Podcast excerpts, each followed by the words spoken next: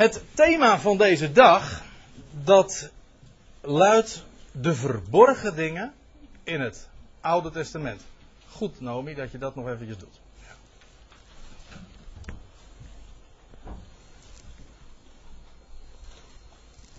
De verborgen dingen in het Oude Testament. De laatste keer dat we hier een eh, bijeenkomst hadden, op de donderdagavond, dat is alweer een tijdje geleden, anderhalve maand geleden of zo. Toen had ik ook dit thema aangekondigd, maar iets korter, namelijk over de verborgenheid zou ik het hebben.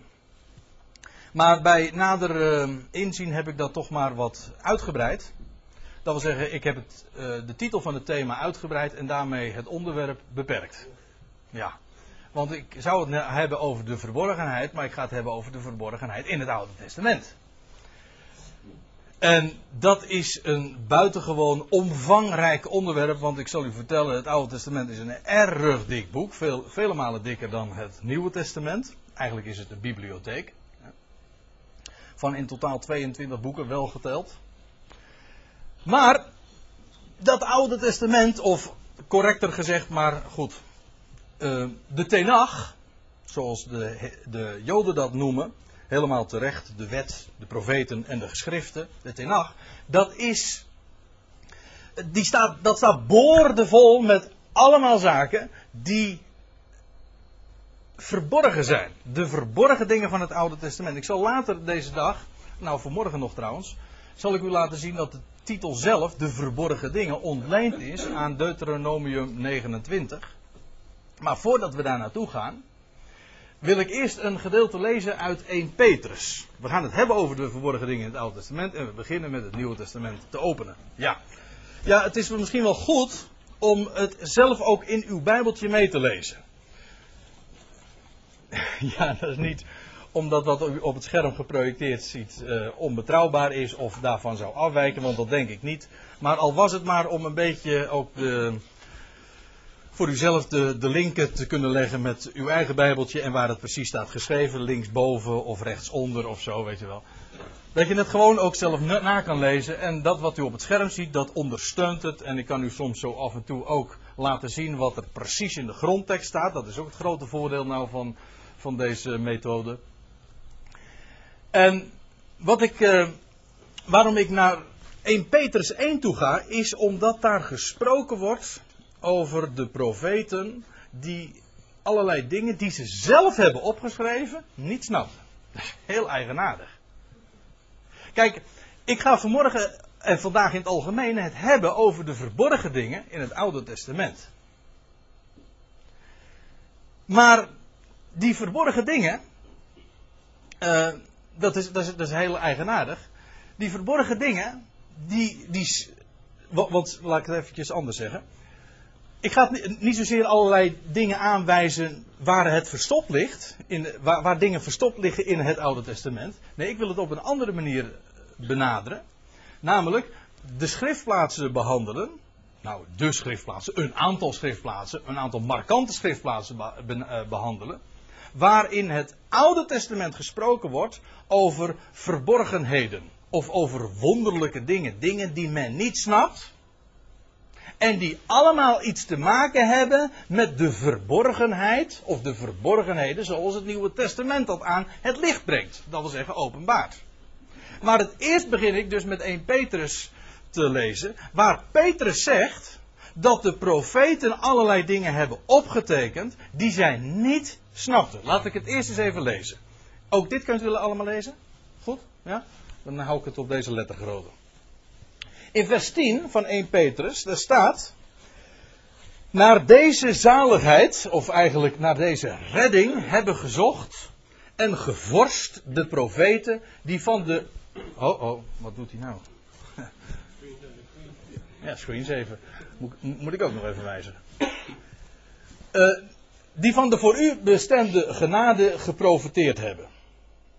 Terwijl zij, let op, naspeurden op welke of hoedanige tijd de geest van Christus in hen doelde, toen hij vooraf getuigenis gaf van al het lijden dat over Christus zou komen en van al de heerlijkheid daarna. Hun werd geopenbaard dat zij niet zichzelf, maar u dienden met die dingen. welke u thans verkondigd zijn bij monden van hen die door de Heilige Geest die van de hemel gezonden is, u het evangelie hebben gebracht. In welke dingen zelfs engelen begeren een blik te slaan. Dat uh, zet meteen de toon voor deze dag, want we gaan ons vanmorgen bezig en deze dag bezighouden met zaken die de profeten ooit hebben nagespeurd, die zij niet snapten en waarvan hier staat, engelen waren zelfs of zijn begeerig om daarin een blik te slaan. Dat wil zeggen, die begrepen het kennelijk ook niet, die wilden het ook zien, die wilden het ook weten. En wat hier staat, is dat de profeet, het is een hele opmerkelijke schriftplaats hoor. Want normaal gesproken zou je zeggen dat een schrijver beter weet wat hij heeft opgetekend dan de lezers verstaan, toch? De oh, ik, ik, schrijf iets op en geheid dat uh, de lezer allerlei dingen ontgaat die ik wel bedoeld heb. Wellicht ook omdat ik ze niet correct heb opgeschreven. Dat kan natuurlijk ook. Maar normaal gesproken zou je zeggen dat de schrijver, de schrijver van een boek, die is exact op de hoogte van wat hij optekent. En hier staat dat de profeten geprofiteerd hebben van de redding die inmiddels, in het Nieuwe Testament, aan het licht is gekomen. Maar zij hebben naar, ernaar gezocht en naar, ge, naar gevorst, staat er in vers 10 dus. En in vers 11, terwijl zij ook naspeurden. Dus ze deden onderzoek in hun eigen boeken. In datgene wat ze zelf hebben opgeschreven. Dat is heel opmerkelijk. Dat betekent dus dat er allerlei dingen in die boeken die zij hebben geschreven, de boeken die zij hebben geproduceerd, dat daar allerlei dingen verborgen in waren, toch? En wat was er dan verborgen? Nou, één ding uh, is, was niet verborgen, of twee dingen moet ik eigenlijk zeggen. Namelijk, er staat in vers 11, toen hij, dat wil zeggen de geest van Christus, toen hij vooraf getuigenis gaf van al het lijden dat over de Christus zou komen. En van al de heerlijkheid daarna. Dat stond vast. Dat hebben ze geprofiteerd. Zij hebben geprofiteerd van de Christus die zou lijden. En ze hebben ook geprofiteerd van de Christus in al zijn heerlijkheid. De Messias dus. Hè? Maar waar speurden ze dan naar? Waar, ze, waar deden ze onderzoek naar? Waar forsten ze aan? Hoe zeg je dat? Waar hebben ze naar gezocht? Je zoekt alleen maar als je iets, wanneer iets verstopt is, wanneer het verborgen is, als het onder een bedekking of zo ligt. Nou, daar hebben die profeten naar gezocht. En het staat er hier ook bij. Terwijl zij naspeurden op welke of hoedanige tijd de geest van Christus in hen doelde. Dus zij profeteerden van de Christus en het lijden dat hem zou overkomen. En ook over de heerlijkheid die zou volgen. Maar nou zeg ik eigenlijk al een beetje te veel. Want juist dat wisten ze niet. Want wat ze namelijk onderzoek naar, deden, was op welke en hoedanige tijd dat betrekking had. Dat wisten ze niet. Dus ze wisten niet op wanneer het betrekking had. En hoe lang die tijd dan was. Hoe, hoe is die verhouding nou? Kijk, achteraf is het voor ons makkelijk. Wij hebben het Nieuwe Testament. En bij ons is het inmiddels duidelijk gemaakt. Wij houden ons vandaag ook trouwens niet bezig met verborgen dingen. Ja, nee, wij houden ons sterk genomen ons niet bezig met verborgen dingen. Wij houden ons bezig met geopenbaarde dingen. Maar ik moet erbij zeggen, bij geopenbaarde dingen die in het Oude Testament verborgen waren. Ziet u? Het is eh, helemaal niet iets mysterieus wat we vandaag doen. Helemaal niet. Het is gewoon duidelijk. Alleen voorheen in het Oude Testament, ik gebruik die term toch maar gewoon gemakshalve, hoezeer ik er ook bezwaar tegen heb, maar dat heb ik bij andere gelegenheden wel eens uitgelegd. Hè, dat de term Oude Testament niet klopt. Maar goed, u weet wat ik ermee bedoel en dan zullen we de term maar gewoon laten voor wat het is. Dat is wel zo gemakkelijk. Dus in het Oude Testament staan die dingen allemaal opgetekend. Alleen wat die profeten zelf niet eens begrepen. Dat is, dat, ik, grappig hè, als je daarover nadenkt. Dat wij inmiddels, ik noem maar wat hè. 35, uh, zeg ik het goed? 25, 2600 jaar na Jezaja leven. En dat wij eigenlijk beter begrijpen wat hij toen al heeft opgeschreven. Ja, maar die profeten, die hebben dus nagevorst en nagespeurd op welke en hoedanige tijd uh, al die dingen betrekking hebben. Kijk, het is duidelijk dat er vele profetieën zijn, met, dus een meerderheid zelfs, die spreken over de Messias die zou komen. Dat is precies ook wat, uh, wat de Joden tot op de dag van vandaag ook geloven de dat de Messias zou komen en dat hij zijn zetel zou hebben in Jeruzalem en dat hij het koninkrijk voor Israël zou herstellen en dat dat, een, uh, dat tot, tot een zegen zou zijn voor heel de volkerenwereld en dat het koninkrijk wereldwijd geopenbaard zou worden, et cetera. Al, alles wat daar aan vast zit. Vele profetieën zijn daar die daarover gaan. Ja, zo af en toe moet u toch even de tijd weten. Uh, kan ik dat trouwens... Ja, kan u, kan u me straks zeggen van, hé, hey, je zei toch... Tijd hebben ook.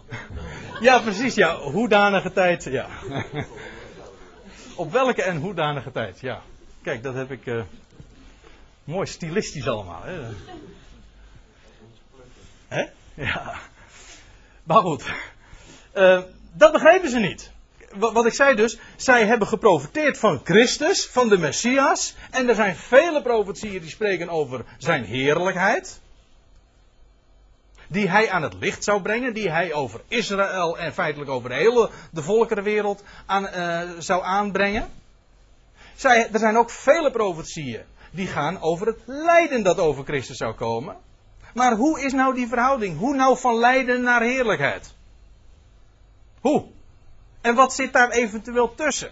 Zit daar wel wat tussen? Ja, er, zijn, er zitten allerlei dingen tussen. Daar wil ik u juist vandaag op attenderen. Er zitten allerlei dingen tussen, maar hoe zit dat dan precies? Ons is het inmiddels duidelijk. Daarom kunnen wij achteraf, van, vandaag kunnen wij een studiedag houden. Over de verborgen dingen in het Oude Testament. En we kunnen allerlei dingen in de Deuteronomium, in Jezaja, in de psalmen, in de spreuken, etc. Kunnen allemaal aanwijzen en zeggen van kijk, dat heeft betrekking op onze dagen. Maar dat wisten zij toen niet. Dat speurden ze na. Ze konden daar hooguit een vermoeden van hebben. Ze wisten er zit iets tussen, dat lijden dat over de Christus zou komen en de heerlijkheid daarna. Maar hoe? Het, bekend is het beeld van. Dat is dus geen origineel uh, vergelijking die ik maak, maar bekend is het beeld, maar hij is nog steeds zeer to the point.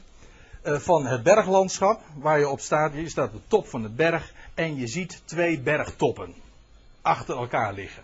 Je ziet en dat, en dat, is wat de profeten ook hebben gezien. Ze hebben, gezien, ze hebben geprofiteerd over het lijden dat over de Christus zou komen. Dat is die eerste bergtop, zal ik maar zeggen.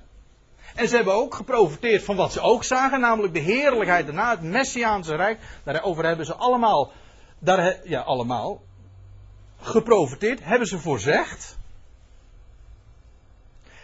Dat daar iets tussen zit dat kon vermoed worden, maar wat er tussen zit en hoe, en hoe lang die, die, die, eh, die hele tijdspanne is, dat is allemaal verborgen. Ik zal u vertellen, ik ben ervan overtuigd, het staat in het Oude Testament hoor. Ook die hele tijd tussen de eerste en de tweede komst van Christus, zelfs hoe lang het is, staat in het Oude Testament vermeld.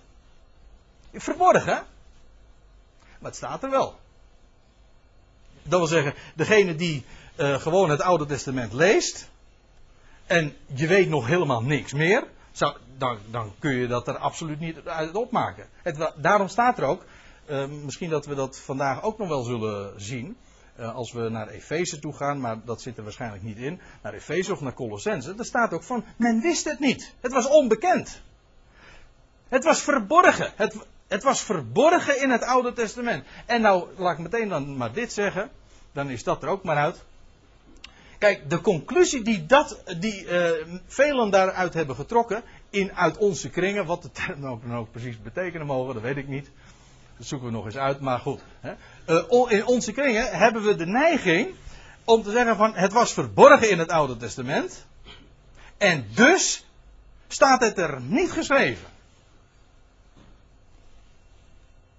Kijk, het was verborgen in het oude. Wat wij, wat, waar, wat, het werk van God in onze dagen. En zelfs de hele tijdspannen, die hele tijd tussen de eerste en de tweede komst van Christus. was verborgen in het Oude Testament.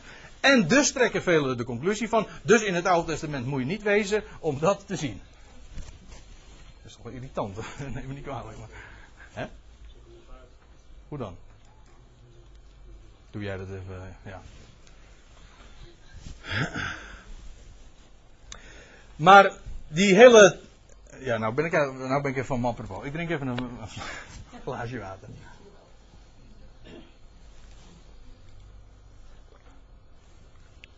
Nou doet hij het wel.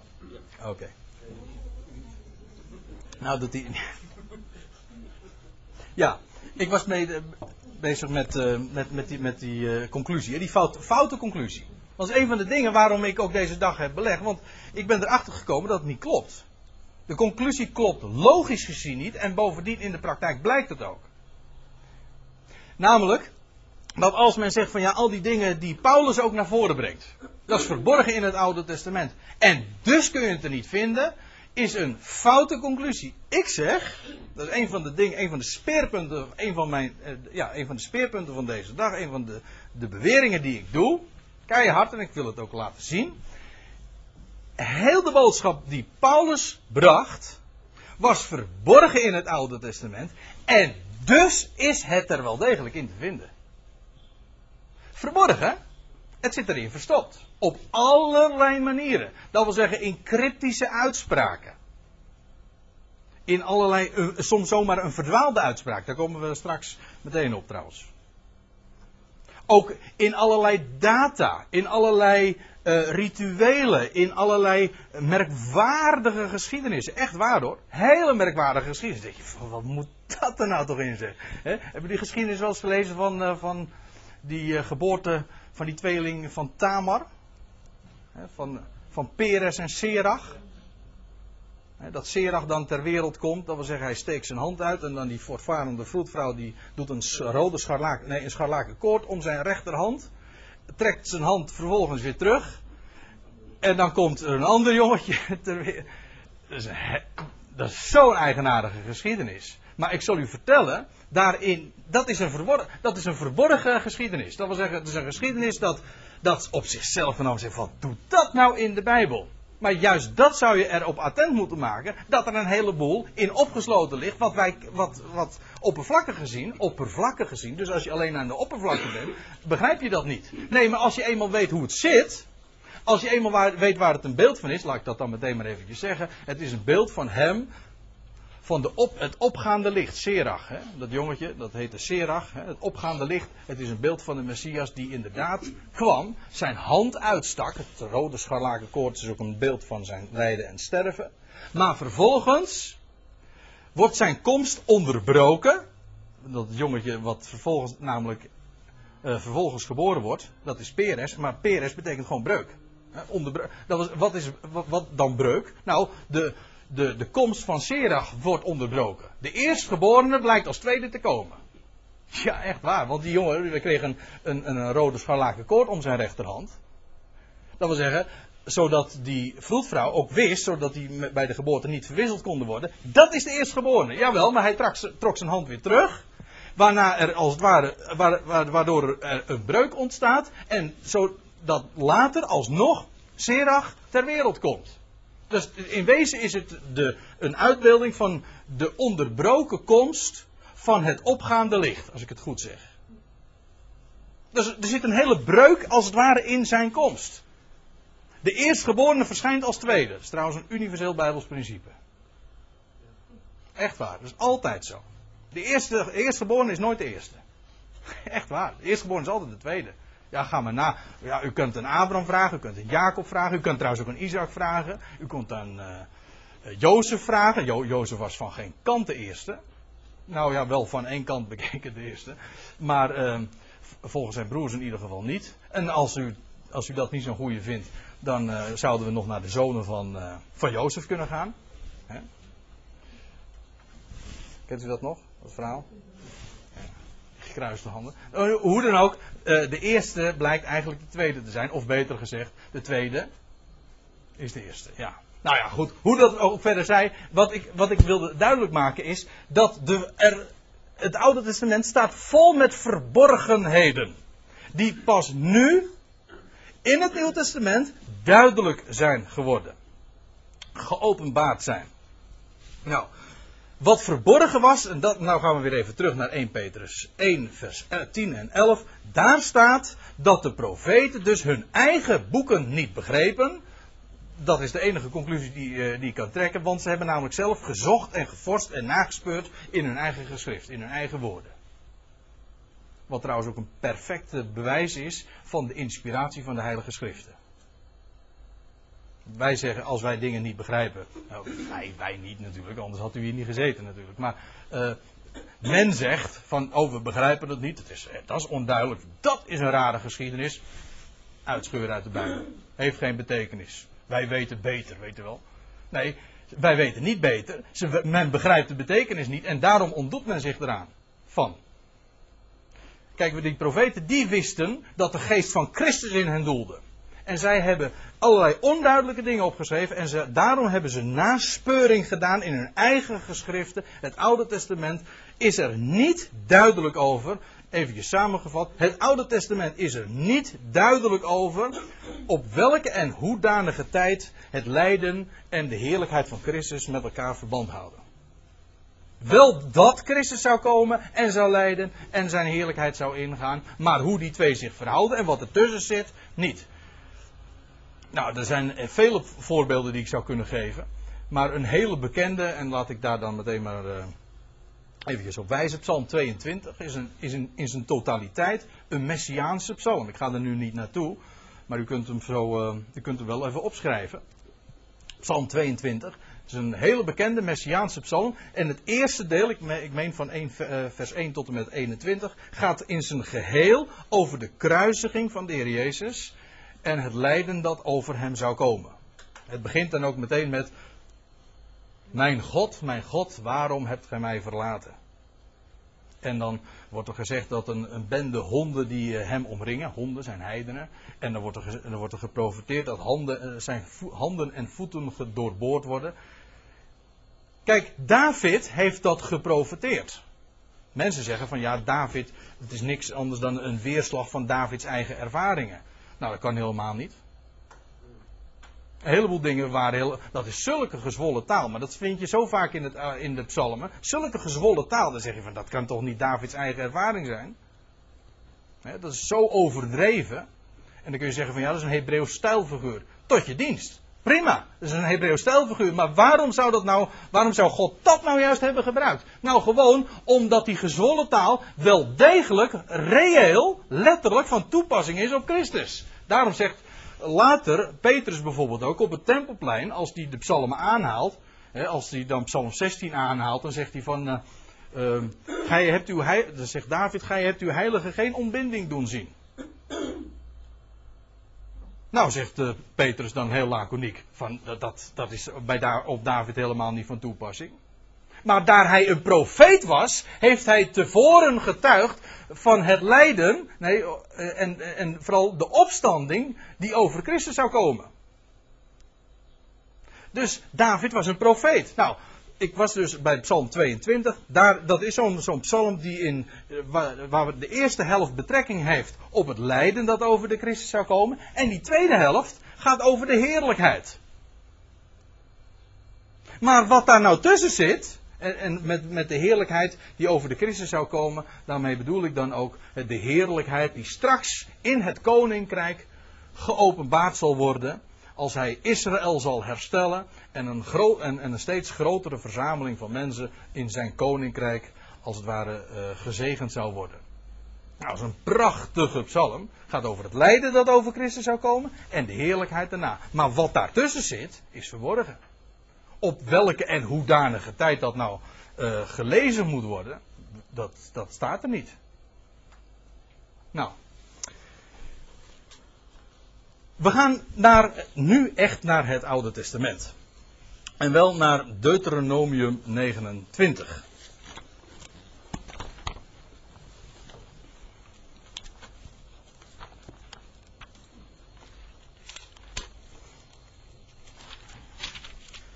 Deuteronomium 29.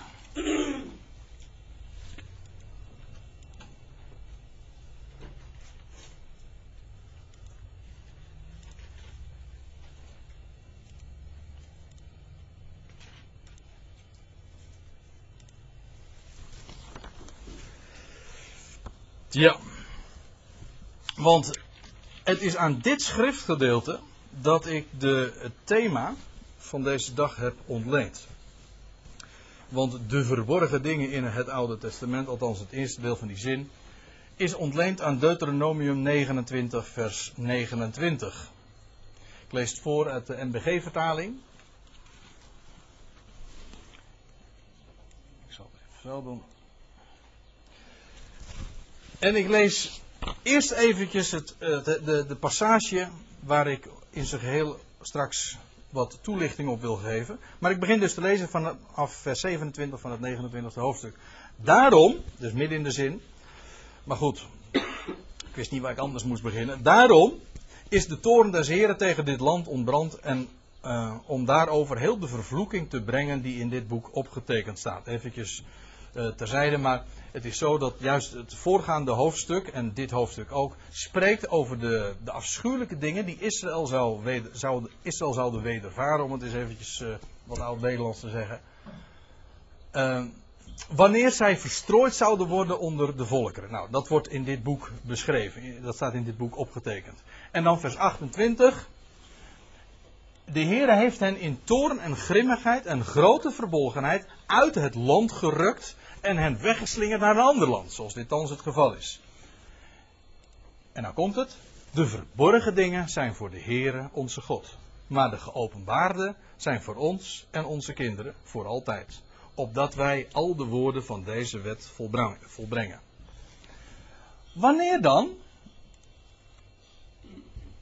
al deze dingen over u komen, de zegen en de vloek die ik u voorgehouden heb, en gij dit ter harte neemt, te midden van al de volkeren naar wier gebied de Heere uw God u verdreven heeft, en wanneer gij u dan tot de Heere uw God bekeert en naar zijn stem luistert, overeenkomstig alles wat ik u heden gebied, gij en uw kinderen, met geheel uw hart en met geheel uw ziel, dan zal de Heere uw God in uw lot een keer brengen en zich over u erbarmen. Hij zal u weer bijeenbrengen uit al de volkeren naar wier gebied de Heere uw God u verstrooid heeft.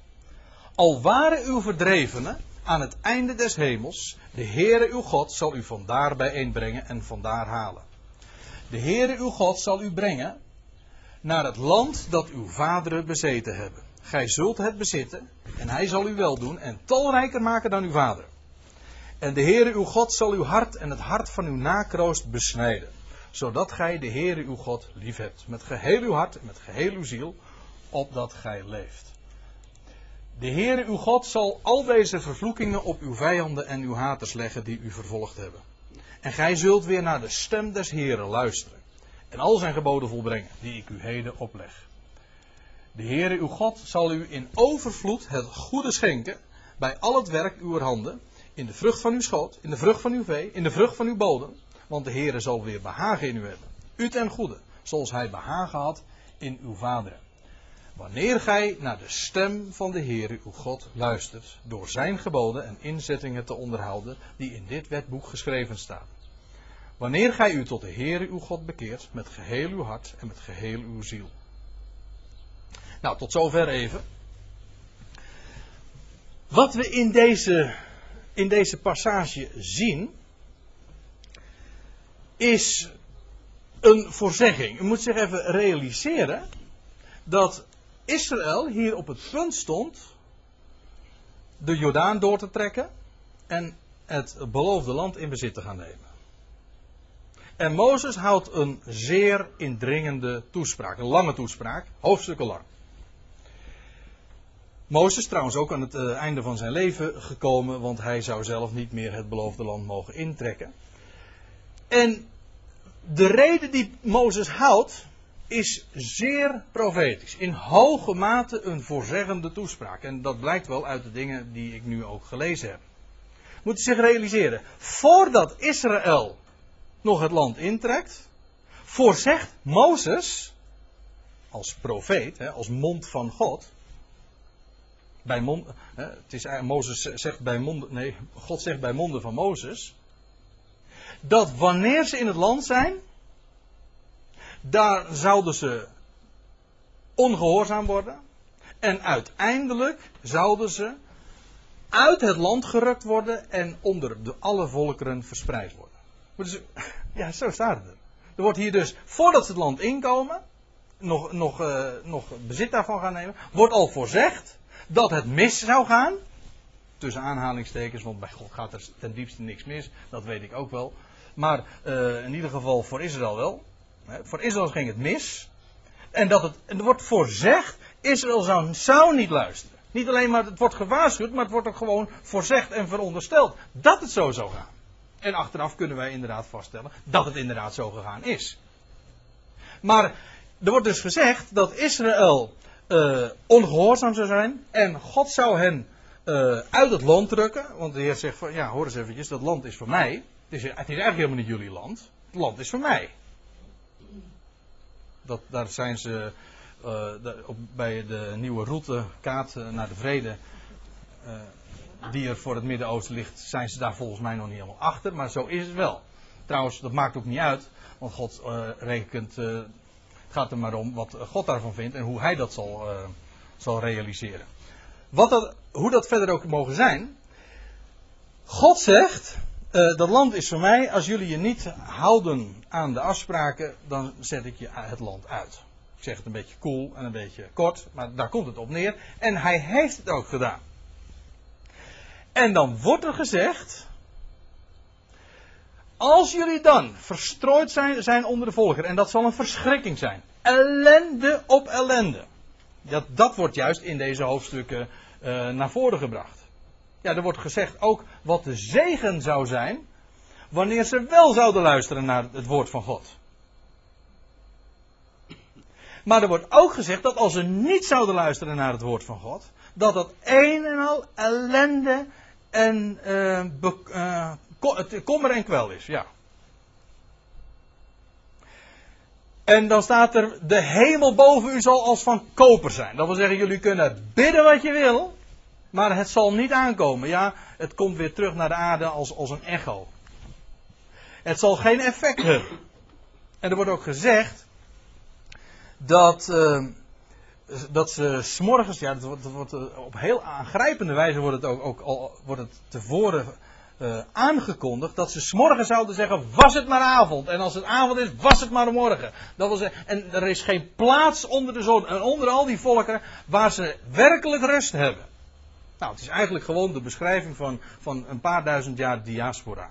De, de verstrooiing onder de volkeren. Een en al ellende is het geweest.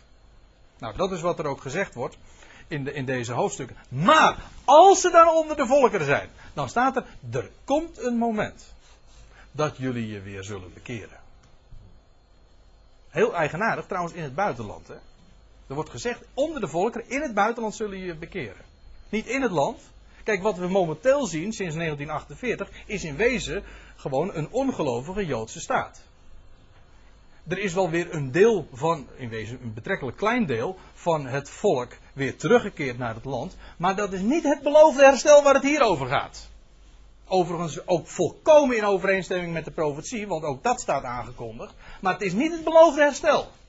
Nee, wat hier gezegd wordt, is in het buitenland zullen jullie uh, tot bekering komen. Niet in het land, maar in het buitenland. En dan zal de Heere jullie God je verzamelen uit al de volkeren. En dan weer brengen in het land. En dan staat er ook ja, dat is heel mooi hoor. Ik wil, dat, wil daar graag even op wijzen. Er wordt namelijk in vers 3 gezegd.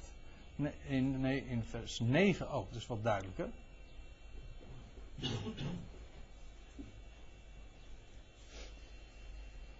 Um,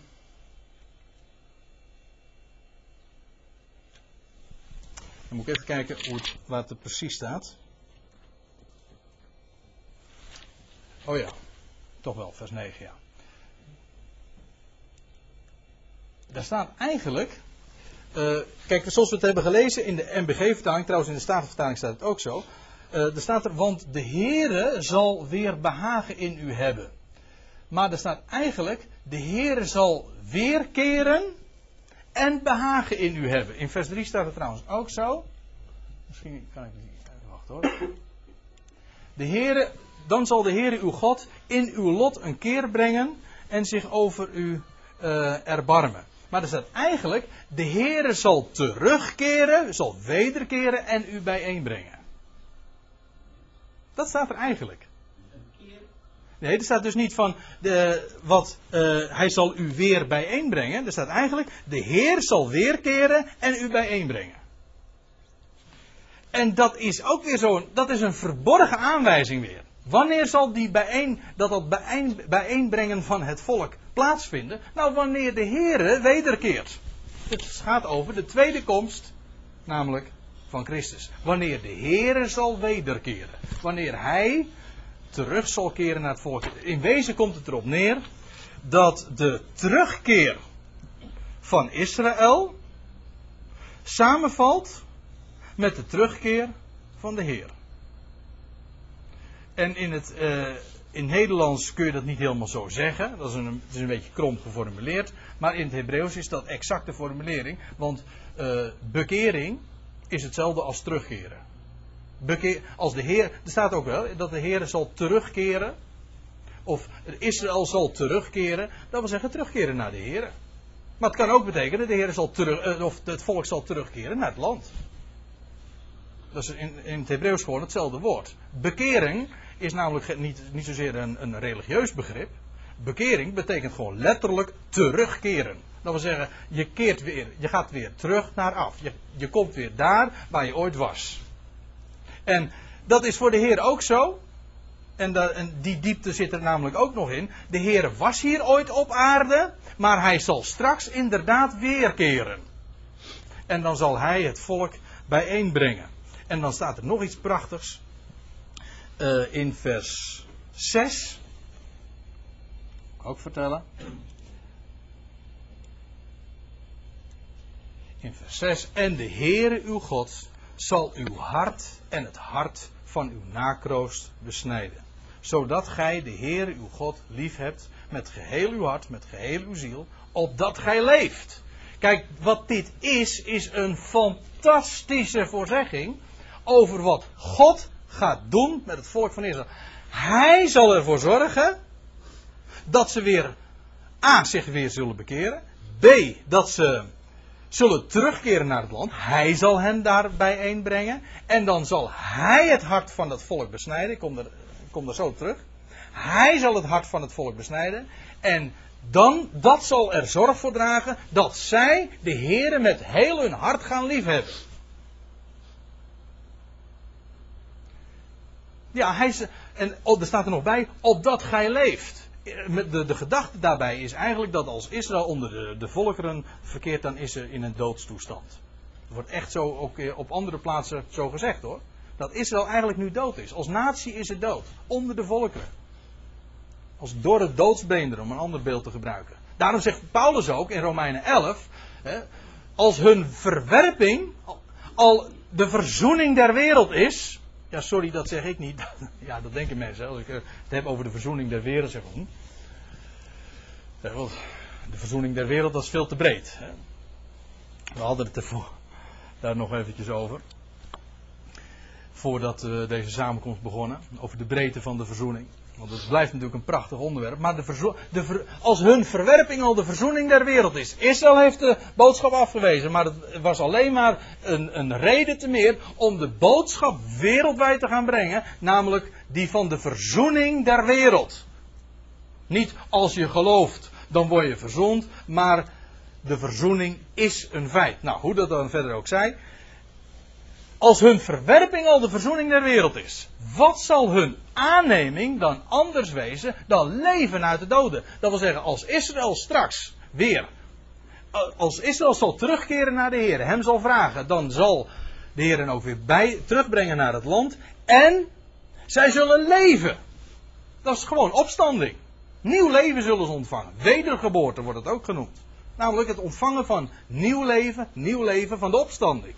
En in wezen krijgen zij dan precies datgene wat de Heer al 2000 jaar geleden aan het licht heeft gebracht. Namelijk op de derde dag nieuw leven. Voor Israël is dat trouwens ook zo, want Israël ontvangt ook op de derde dag nieuw leven. Namelijk na twee dagen van duizend jaar. Staan ze op uit de doden. Wat zal hun aanneming anders wezen dan leven uit de doden? Maar nu even iets anders. Want we hebben het over de verborgen dingen in het Oude Testament. Wel, hier staat zoiets. De Heer uw God zal uw hart en het hart van uw nakroos besnijden. Nou, wat is nou besnijdenis? Ja, hoe zeg je dat nou netjes, hè? Wat is nou besnijdenis? Nou, besnijdenis. Besnijdenis is niets anders dan het wegnemen van de bedekking. Het wegnemen van de voorhuid, dat is de bedekking. Daar zit een geweldige diepe symboliek nog weer in. Maar dat is allemaal nogal seksueel getint, dus ik zal het er niet over hebben. Maar uh, het gaat erom dat uh, de, de besnijdenis is het wegnemen van de bedekking. Van de bedekking. En hier wordt gezegd, ja, niet de, niet de besnijder, niet voorhuid, niet de voorhuid van het geslachtsdeel. Nee, het gaat om de besnijdenis van het hart. En dat zal de Heer straks gaan doen. Dat wil zeggen, hij gaat, hij gaat de bedekking van het hart wegnemen. En waar hebben we dat nog meer gelezen? Nou, dat zal ik u eens laten zien in 2 Korinthe 3, want Paulus spreekt daarover. 2 Korinthe 3.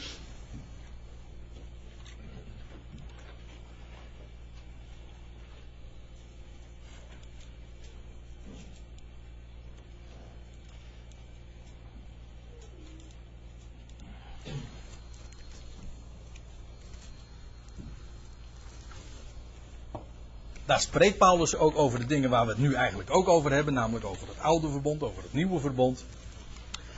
Uh, in 2 Korinthe 3, vers 14.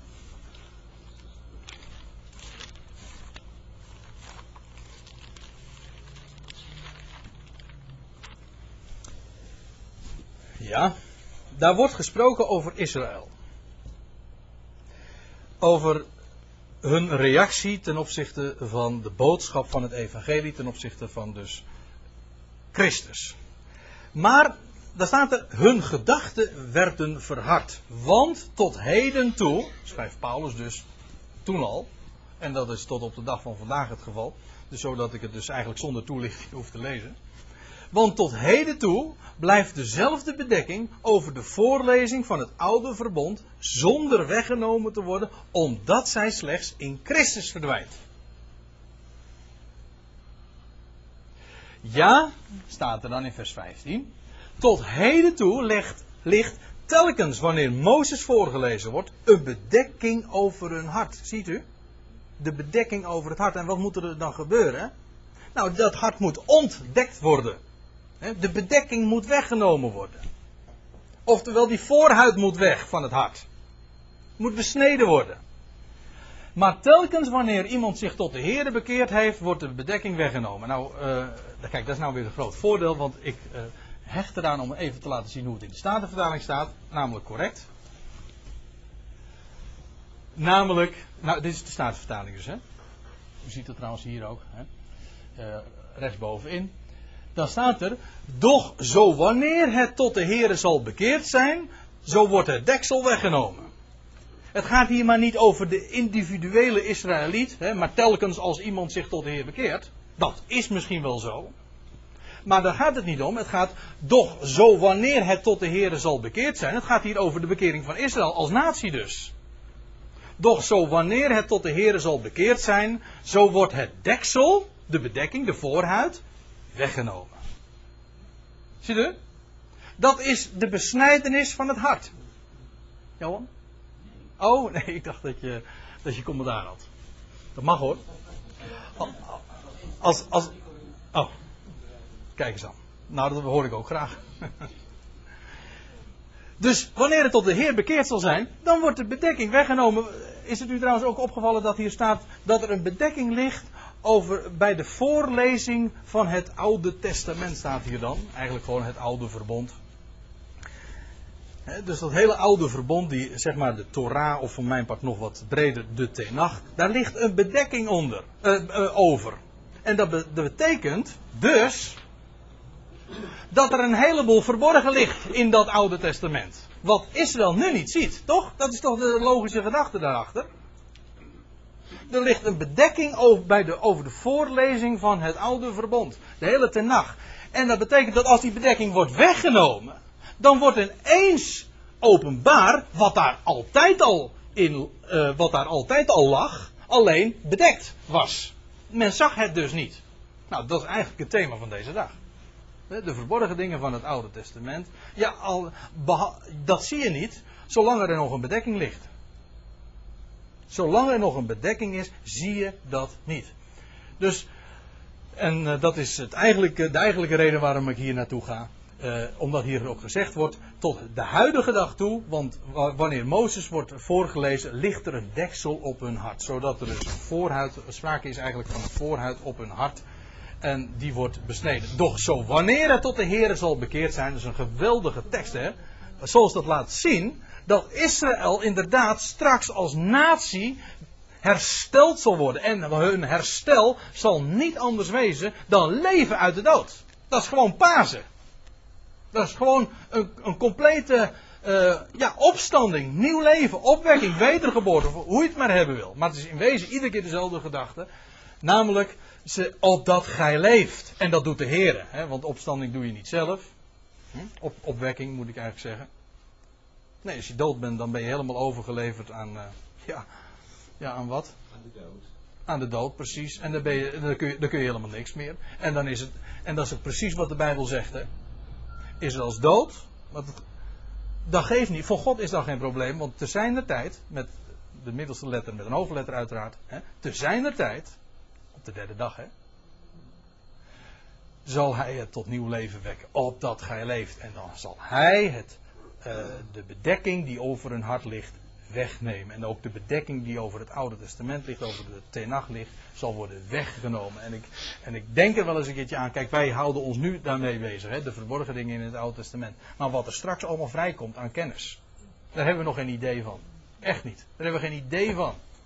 Dan zal straks, hè, nu is het zo dat we onze oren wel te luisteren leggen bij, bij rabbijnen en wat die allemaal over de schrift hebben te zeggen. Ja, en dat is al soms, dat zijn de geweldige dingen hoor. Maar dan moet je realiseren, er ligt nog gewoon een bedekking op hun hart. En als straks die bedekking wordt weggenomen, en dat zal, en alles wat daar dus onder die bedekking ligt, dat wordt dan openbaar.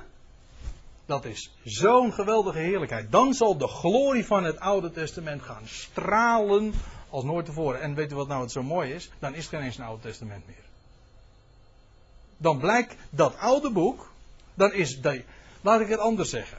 Om eventjes in de terminologie van 2 Korinthe en van het oude verbond en nieuwe verbond te blijven. Om het zo te zeggen. Dat oude testament, hè, dat allemaal wet is. Gij zult de Heer uw God liefhebben. Dat wordt dan ineens een geweldige belofte en een vervulling van de belofte. Dat hebben we toch gezien in eh, Deuteronomium 30. Daar staat van, nou laat ik even teruggaan. Uh,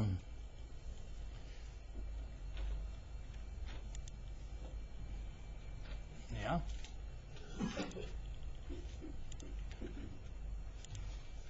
Goed. En de Heer, in Deuteronomium 30. En de Heer uw God zal uw hart besnijden en het hart van uw zaad om de Heer uw God lief te hebben met uw gans hart, met uw gehele ziel. En, en, ja, met uw ganse ziel. Opdat gij levert. Oh, dit is nieuw, uh, oude vertaling. Laten we even eventjes in wat moderne Nederlands zeggen. Dus dat gaat dan gebeuren. Maar dat is dan wat God doet. En dan blijkt het, gij zult de Heer uw God liefhebben met heel je hart en met heel je ziel. Geen wet meer te zijn die we toch niet kunnen houden. Want dat is het getop van het Oude Testament. Dat, is, dat, bedoel ik niet alleen maar chronologisch zo van dat was het getop in die dagen. Dat is het getop zodra mensen onder een wet staan. Kan niet schelen wat voor wet. Daar is, als je zo leeft, dan, dan blijkt het woord van God een vloek te wezen. Weet u dat? Ja, dat is, dat is een beetje link misschien wat ik nou zeg. Maar dat is echt waar.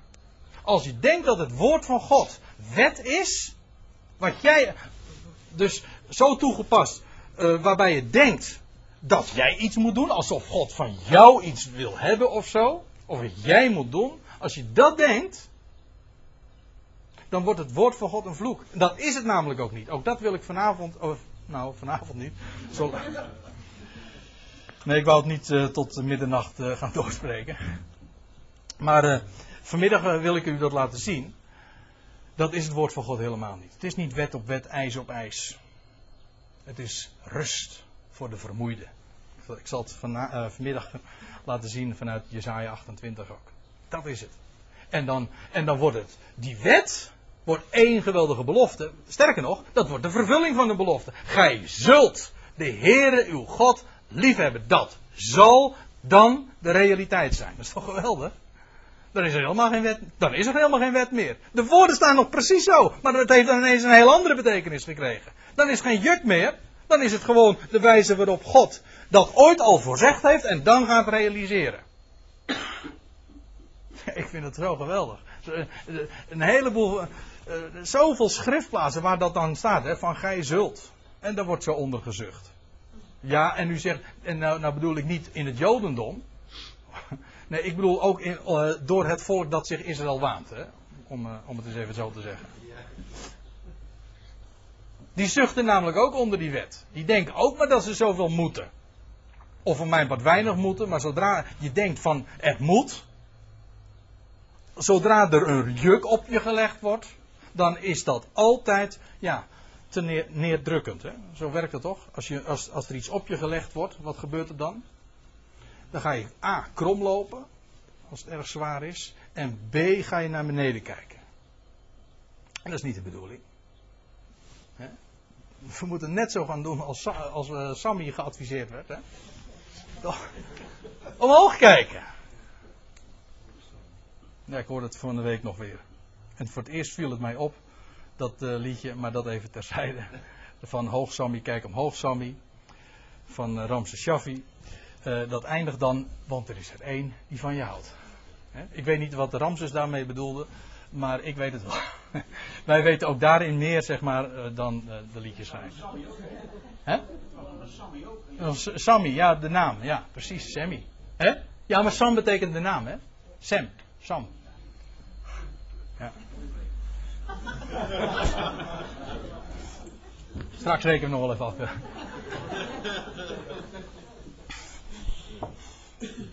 Ja.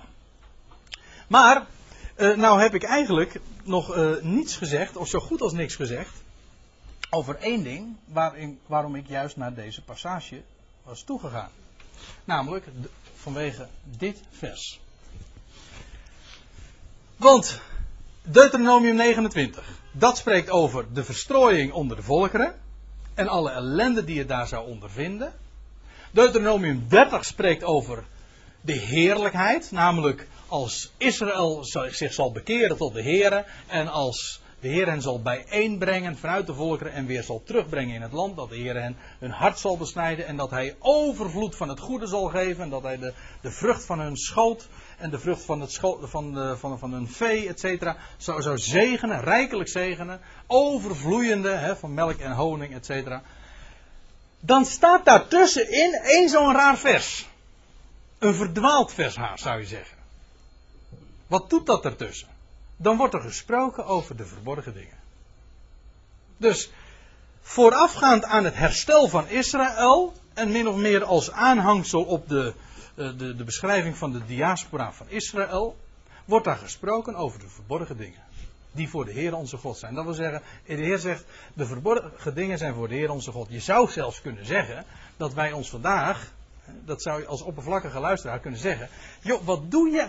We gaan het hebben over de verborgen dingen in het Oude Testament. De term is ontleend aan Deuteronomium 29. En daar staat juist, de verborgen dingen zijn voor de Heer onze God. Wat, wat zouden wij nou een hele dag ons gaan bezighouden met de verborgen dingen die helemaal niet voor ons bestemd zijn? Ja. Ja, je zou zelfs kunnen zeggen dat dat uh, een dodelijke statement is voor, voor het beleggen van zo'n studiedag. Oppervlakkig gezien. Ja. Het is natuurlijk niet zo, want ik heb het al uitgelegd. We houden ons bezig niet met verborgen dingen. We houden ons bezig met dingen die verborgen waren. Toen de tijd namelijk. Die Israël toen niet mocht weten. Die Israël trouwens nog steeds niet mag weten eigenlijk. Daar komt het als natie bedoel ik. En uh, het, het punt is namelijk dat die verborgen dingen te maken hebben met de tijd die voorafgaat aan het herstel van Israël. Eigenlijk is het zo dat de verborgen dingen te maken hebben met de tijd tussen, is, uh, tussen het lijden van Christus en de heerlijkheid die, die, hij straks aan het licht zal brengen. Dus laat ik het nog simpeler zeggen. Het, de verborgen dingen spreken over dat wat er ligt tussen de eerste en de tweede komst van Christus. Of, nog anders gezegd, de verborgen dingen hebben te maken met wat er ligt tussen Israëls diaspora, de verstrooiing en Israëls herstel. Daar hebben de verborgen dingen betrekking op. Israël mocht dat niet weten. En waar is het dan verborgen? Ja, gek hè, maar ik, daar eh, stuitte ik juist uh, vanochtend toen ik nog eens eventjes de dingen rustig uh, over, overdacht wat we vandaag zouden gaan bespreken. Toen stuitte ik er ineens op, en dat wil ik u toch niet onthouden, want het is een kerstverse ontdekking. Want er wordt namelijk in vers 11 gezegd, ja, we hebben dat nu niet meer gelezen, dan, dan staat er, want dit gebod dat ik u heden opleg, hey, dat is mooi hè, toen werd het opgelegd, straks wordt het ingelegd, ingeschreven in het hart. Maar goed, dat is niet te moeilijk voor u en het is niet ver weg. Het is, het is niet verborgen. Nou ja, er staat hier, het is niet in de hemel, zodat gij zou moeten zeggen, wie zal opstijgen ten hemel, het voor ons halen en het ons doen horen, opdat wij het volbrengen. En het is niet aan de overkant van de zee. Dat wil zeggen, het is niet ergens bij de volkeren. Daar zijn de zee, daar is de zee trouwens in het algemeen een beeld van. De zee is een beeld van de volkerenwereld. Het is niet aan de overkant van de zee bij een van de andere volkeren, zodat je zou moeten zeggen: wie zal oversteken naar de overkant de zee, het voor ons halen en het ons doen horen, opdat wij het volbrengen. Maar dit woord is zeer dicht bij u, in uw mond en in uw hart, om het te volbrengen. Prachtig hè? Dat, dat, woord, dat, dat, dat woord, dat is niet iets wat je moet doen met je handen en met je voeten. Zoals dat. Uh, nee, daar gaat het niet in de eerste plaats om. Dat woord moet, moet gedaan worden. Hoe moet, het, hoe moet dat woord nou volbracht worden? Nou, met het hart en met de mond. Dat wil zeggen, neem het in de mond. En laat het in het hart zijn. En dan, dan zal het automatisch wel gevolg hebben voor, voor de handen en de voeten. Maar dat is niet de waar het, waar het moet wezen. Dit woord is zeer dicht bij u. In uw hart en in uw mond. Om het zo ook te volbrengen. Maar waarom wijs ik nu even op deze schriftplaats? Omdat er staat van. Uh, ja, het is voor jullie niet. Dat de Heer zegt van het is voor jullie niet verborgen. Het is niet in de hemel. Het is niet in de, aan de overkant van de zee. Het is niet ergens aan de, in de, bij de volkeren of zo. Kijk, dat betekent. De, de verborgen. En dat vind, ik, dat vind ik nou zo mooi. Die verborgen dingen. hebben te maken. met feitelijk wat in de hemel is en hebben te maken met wat onder de volkeren is. Ja, ik kan, dat zo, ik kan zo uh, rechte lijnen trekken tussen deze uitspraken en, en dat wat uh, met name dan de apostel Paulus naar voren brengt. Echt waar, dat is zo simpel. Want de verborgen dingen hebben te maken. Ik, ik doe een beetje ook een beroep op uw Bijbelkennis in het algemeen. De verborgen dingen, de verborgenheid, zoals Paulus daarover spreekt, heeft te maken met Christus die momenteel inderdaad verborgen is. In de hemel, aan de rechterhand Gods, verborgen, ja, achter het voorhangsel, om een ander Bijbelsbeeld te gebruiken. Achter het voorhangsel is trouwens ook verborgen, hè? Ja, maar je kunt ook zeggen, en dat zegt Paulus in eh, Colossense 1, daar komen we vanmiddag ook nog even over te spreken, dat Christus vandaag momenteel verborgen is onder de volkeren. Hij zegt de, de verborgenheid, en zo citeer ik het uit het hoofd, dus niet helemaal letterlijk, maar uh, daar staat er van, uh, hoe rijk de heerlijkheid is van de verborgenheid, Christus onder u, heidenen, de hoop der heerlijkheid. Waar is Christus nu? Niet in Israël, maar onder de heidenen. Daarin. Dus je kunt het op de. Hè? Ja, welk vers zal dat zijn? Colossense 1, vers 26 of zo? 27?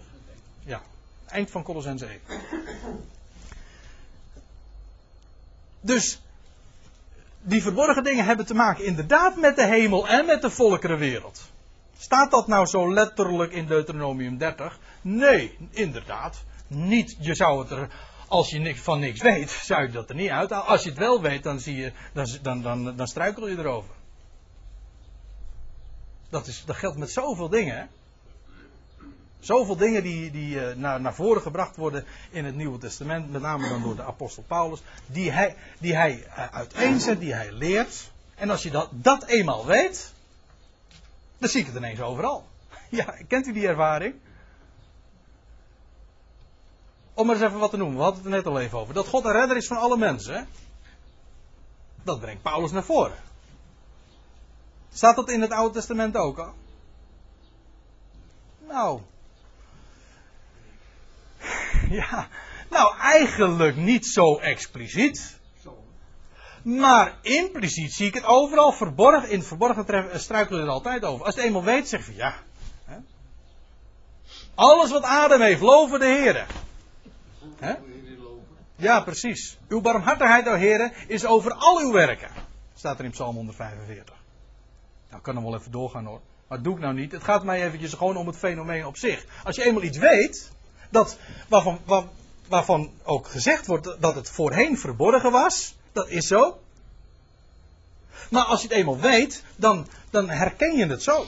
Dat, maar ja, dat is ook eigenlijk logisch. Dan weet je ook waar, ja, waar je het zoeken moet en hoe je het zoeken moet. Kijk, als je niet weet dat er een schat in de aarde verborgen ligt. Dat is ook een Bijbelsbeeld, ja. Ja, dan zul, je, dan zul je die schat nooit tegenkomen. Maar als je eenmaal weet dat die er ligt, en vooral waar die ligt, ja, dan kun je hem zo vinden. Als je, even, als je spit, hè. Als je, onder, als je niet oppervlakkig, hè, dan moet je onder de vlakte wezen. Dan vind je het. Dan, dan vind je die schatten. Ja. Dus de verborgen dingen, die, uh, dat zijn verborgen dingen in het Oude Testament. En uh, nog één ding over dit, uh, dit Bijbelvers, wat ik zo prachtig vind. Maar nou doe ik op Deuteronomium 29, vers 29, daar staat er: De verborgen dingen zijn voor de Heere onze God. En dat betekent dat wat God nu in deze dagen doet, maar niet een of andere bijkomstigheid is. Het is zelfs zeer voornaam. Het is namelijk voor Hem. Ik zal u uh, dat, dat ook uh, laten zien. Of uh, dat wil ik wel graag even toelichten. Kijk, je kunt natuurlijk zeggen dat wat we momenteel beleven, de, de 2000 jaren tussen de eerste en de tweede komst van Christus, dat is een, een intermezzo. Een parenthese noemt men dat ook wel. Dat wil zeggen, een, iets tussengeschoven. Eigenlijk een onderbreking van de, de lijn. En dan zou je kunnen zeggen van het ging, die, die, die lijn die is losgelaten 2000 jaar geleden en die wordt straks binnenkort hè, wordt die weer opgepakt. Dat is één manier om er tegenaan te kijken. Maar dan zou je, dan is, als je het zo alleen beschouwt, dan is deze tussenliggende periode een, een, eh, een, een obstakel. Maar zo is het niet. Wat God nu in deze dagen doet, is weliswaar verborgen, maar het is het meest belangwekkende. Heeft namelijk ook de allerhoogste bestemming. Het is voor Hem. En dat heeft eh, met een ander fenomeen te maken. Ik wil daar niet te diep op ingaan, maar ik wil toch graag even aanstippen. Ik vind, ik vind het een heerlijk eh, onderwerp om ook over te spreken. Kijk, Christus is de eersteling die opstond uit de dood. Hij bracht nieuw leven aan het licht. Hij is de eersteling. Hij is het hoofd. En wat er momenteel in die tussenperiode, in die verborgen tijd, tussen de eerste en de tweede komst plaatsvindt, is de verzameling van een volk. Dat hoort bij de eersteling. Het is zijn lichaam namelijk. Hij is het hoofd, wij zijn het lichaam. Maar omdat dat het volk is van de eersteling, een, of zoals dat in de Hebreeënbrief genoemd wordt, een gemeente van eerstgeborenen, heeft het daarom allerhoogste bestemming. Hebt u die? Nou, ik zie sommigen naar zijn nee eh, schudden. Dus ik zal het even toelichten. Kijk, het Bijbelse principe is dat al wat de baarmoeder opent. Dus uh, staat de vertaling trouwens, wat ik nou zeg. Al wat de baarmoeder opent, al wat het eerst uit de moederschoot komt, maar dat geldt niet alleen voor, voor, uh, voor met betrekking tot mensen, maar het geldt ook voor dieren, het geldt zelfs voor de vruchten van het land, voor de oogst. Al het eerstgeborene, al het eerste, dat wil zeggen alle eerstelingen, ook de eerste vruchten van de oogst, dat moest naar de tempel gebracht worden. Dat was namelijk voor de Here. Dat was voor hem. Had namelijk de hoogste bestemming. Het eerstgeborene is gewoon dat wat de hoogste bestemming krijgt.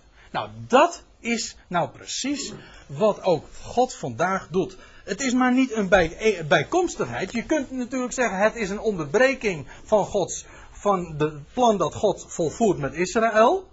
En in die zin, als je het zo bekijkt, dan is het een obstakel. Maar als je het vanaf, van bovenaf bekijkt, is het juist het allergrootste wat er vandaag plaatsvindt. Weliswaar verborgen. Maar het, dat volk wat er momenteel verzameld wordt, dat hoort bij de eerstgeborenen. Het is het lichaam van het hoofd, van de eerste. En daarom heeft het ook een hemelse bestemming. Onze hemelse bestemming, de hoogste bestemming, de bestemming als het ware. Wij horen in het huis van God, hè? Want het eerste moest naar het huis van God gebracht worden. Daar hoort het namelijk. Het feit dat wij die hoge bestemming hebben, is juist ontleend aan het feit dat wij eerstelingen zijn. Of horen bij de eersteling. En daarom, en dat is uh, misschien een wat uh, gezochte, gezochte combinatie in verband met Deuteronomium 29, maar ik, ik, wijs er toch maar eventjes op, omdat het misschien via een andere route alsnog wel ter sprake zal komen. Maar in Deuteronomium 29, daar staat, de verborgen dingen zijn voor de Heer onze God. Dus wat God vandaag doet, in die tussentijd, tussen Israëls diaspora en, zijn, en het herstel van Israël, dat is, dat zijn verborgen dingen, dat is waar. Maar het is voor hem. Het heeft hoogste bestemming. Het heeft te maken namelijk ook met het verzamelen van een volk. Dat het hoort bij de eersteling, bij de eerstgeborene. Ja, dat uh, wil ik uh, even nog samenvatten, graag. Dit gedeelte. Dus, Deuteronomium 29, daar zien we Israëls verstrooiing. Uh, wat daar allemaal plaatsvindt onder de volkeren. Ellende op ellende. Uh, een hemel van koper, dat wil zeggen God die zich ook niet laat zien. Blijkt ook wel, want een van de uitspraken die in dat verband ook gebruikt worden in Deuteronomium, maar ook in andere plaatsen, ook dat zullen we vandaag nog zien. Dat is, de Heere verbergt zijn aangezicht. Vandaar ook, dat is ook een zo'n reden, een aspect van de verborgen dingen. God verbergt zijn aangezicht. Dat wil zeggen, hij is niet te zien. En dat wat hij doet is ook al niet te zien. Vandaar ook dat die hemel van koper is. Hè? Het, lijkt, het lijkt als van koper. Nou, en dan krijgen we Deuteronomium 30. Daar wordt gesproken over Israël dat zich bekeert. De Heer die ook zich bekeert. Dat wil zeggen, hij keert weer terug. dus in wezen een bedekte toespeling ook, zoals wij dat nu weten, op de wederkomst, zoals we dat dan noemen. Het volk van Israël zal worden bijeengebracht. Hun harten zal worden besneden. Dat wil zeggen, de bedekking zal worden weggenomen. En God zal hen zegenen en overvloed van het goede geven. Nou, en daartussenin dan, tussengeschoven, vers 29. Dus tussen Deuteronomium 29 en Deuteronomium 30 in, wordt er gezegd, de verborgen dingen zijn voor de Heer onze God. Dus zeg nou nooit meer, ik weet niet hoe hij dat gezegd heeft, maar zeg nou nooit meer dat, uh, dat deze uitspraak een beetje verdwaald is. Want het is, zo'n, uh, het is vaak ook een dooddoener. Kent u dit? Uh, hè? Als we ons bezighouden met, met schriftstudie of met, met zaken waarvan, waarvan je oppervlakkig gezien nooit enige indruk of enige kennis zou kunnen krijgen, dan wordt er gezegd van, dan moet je je niet mee bezighouden, want de verborgen dingen zijn voor de Heer onze God. En als je daar nog een bepaald gezicht bij trekt, uh, dan maakt het nog wel indruk. Hè? Daar moet je niet mee bezighouden. De verborgen dingen zijn voor de Heer onze God. En wij zijn zo eigenwijs om vandaag een hele studiedag te wijden aan de verborgen dingen. De verborgen dingen die voor de Heer onze God zijn, maar waarvan wij inmiddels weten hoe het zit. Omdat het bekendgemaakt is. Daarom is het ook helemaal niet mysterieus of is esoterisch, zo heet dat. Hè? Ja, ik heb het ooit eens opgezocht en opgevangen. Ik dacht, moet ik toch eens vertellen dat ik dat woord ook ken. Hè? Esoterisch, dat wil zeggen alleen maar voor ingewijden. Nee, zo is het niet. Want de grap is namelijk, je kunt het overal van de daken af schreeuwen. Maar het blijft een verborgenheid hoor, ook dat nog. Ja. Dus het is helemaal niet, uh, het is helemaal niet zo, uh, zo geheimzinnig. Het lijkt geheimzinnig, maar het is het niet. Al moet ik er ook bij zeggen dat wat God vandaag doet en wie hij is en alles eh, wat uh, karakteristiek is voor zijn handelen, dat vindt allemaal in het verborgene plaats.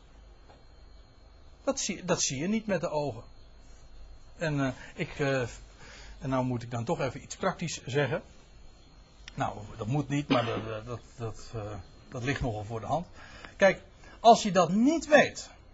Als je niet weet dat wij vandaag in die tijd, zoals Paulus dat noemt, van de verborgenheid leven. Dan kun je je zulke illusies maken. En, en illusies daarmee bedoel ik dus ook dat je daardoor gedesillusioneerd wordt. En, en, je denkt van, ja, nou moet het allemaal gaan gebeuren. En nou moeten we het koninkrijk gaan openbaren. Het koninkrijk, zo, ik zal het eventjes wat kerkelijker zeggen, gestolte geven. Of, um, nou ja, je kunt het ook op andere manieren. Je, we willen dingen zien, we willen dingen ervaren, we willen dingen voelen. Nou, er valt niks te zien. Wij leven nu in de tijd van niet zien. met, uh, ik refereer ook aan wat de Heer zegt tegen, tegen Thomas. Zalig zijn zij die niet zien, toch geloven. Want vandaag is het inderdaad geen kwestie van zien. Het is puur geloven. En niet zien. En als je dat weet, op voorhand moet je al verteld worden. Dat moet je weten. Als je weet dat we leven in de tijd van de verborgenheid, dan maak je ook geen des, dan, dan zul je niet gedesillusioneerd raken omdat je niks ziet, omdat je het namelijk bijvoorbeeld weet. Kijk, je kunt wel mooie opwekkingsliederen zingen. En dat bedoel ik helemaal niet snerend, maar goed, ik zing ook wel eens opwekkingsliederen en dan krijg en dan wordt uh, en soms zwijg ik dan maar.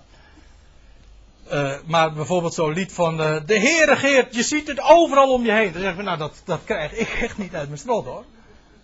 Dat zie je namelijk niet over je heen. Het is, de, je kunt er natuurlijk wel, je kunt er een mooie melodie van maken en zo.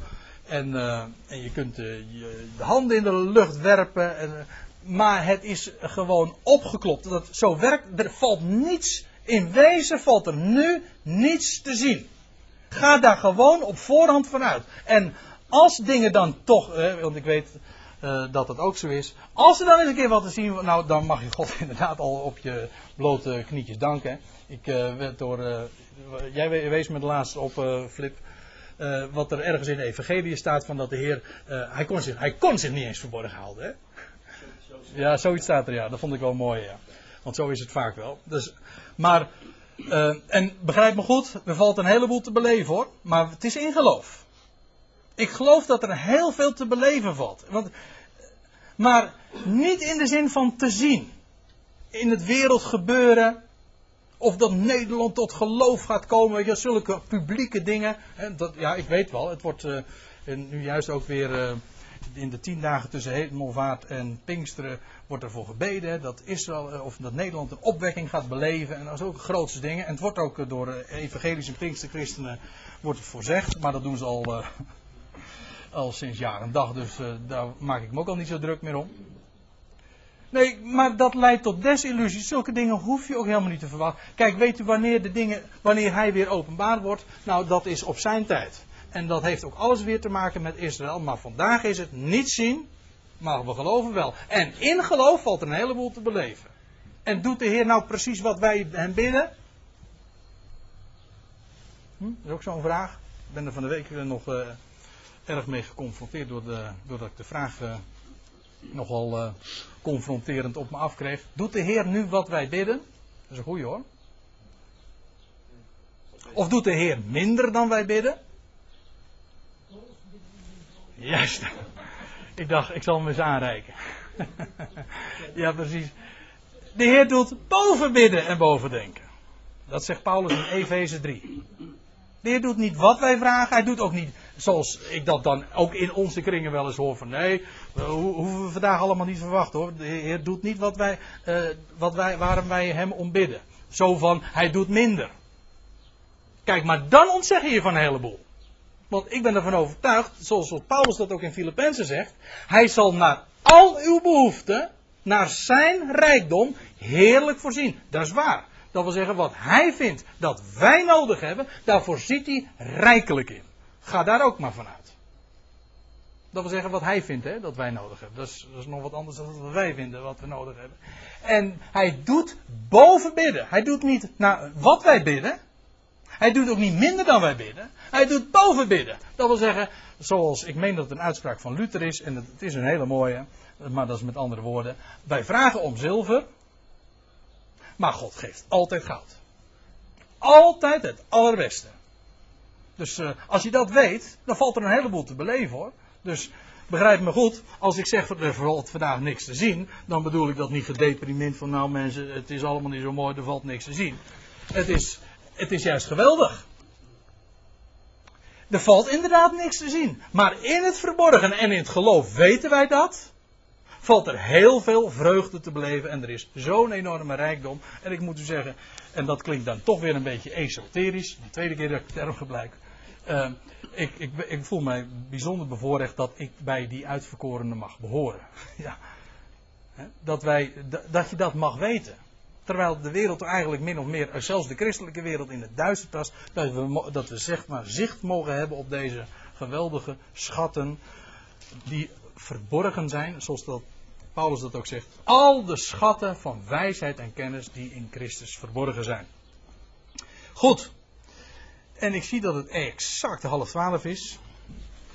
En ik stel voor dat we nou gaan pauzeren. De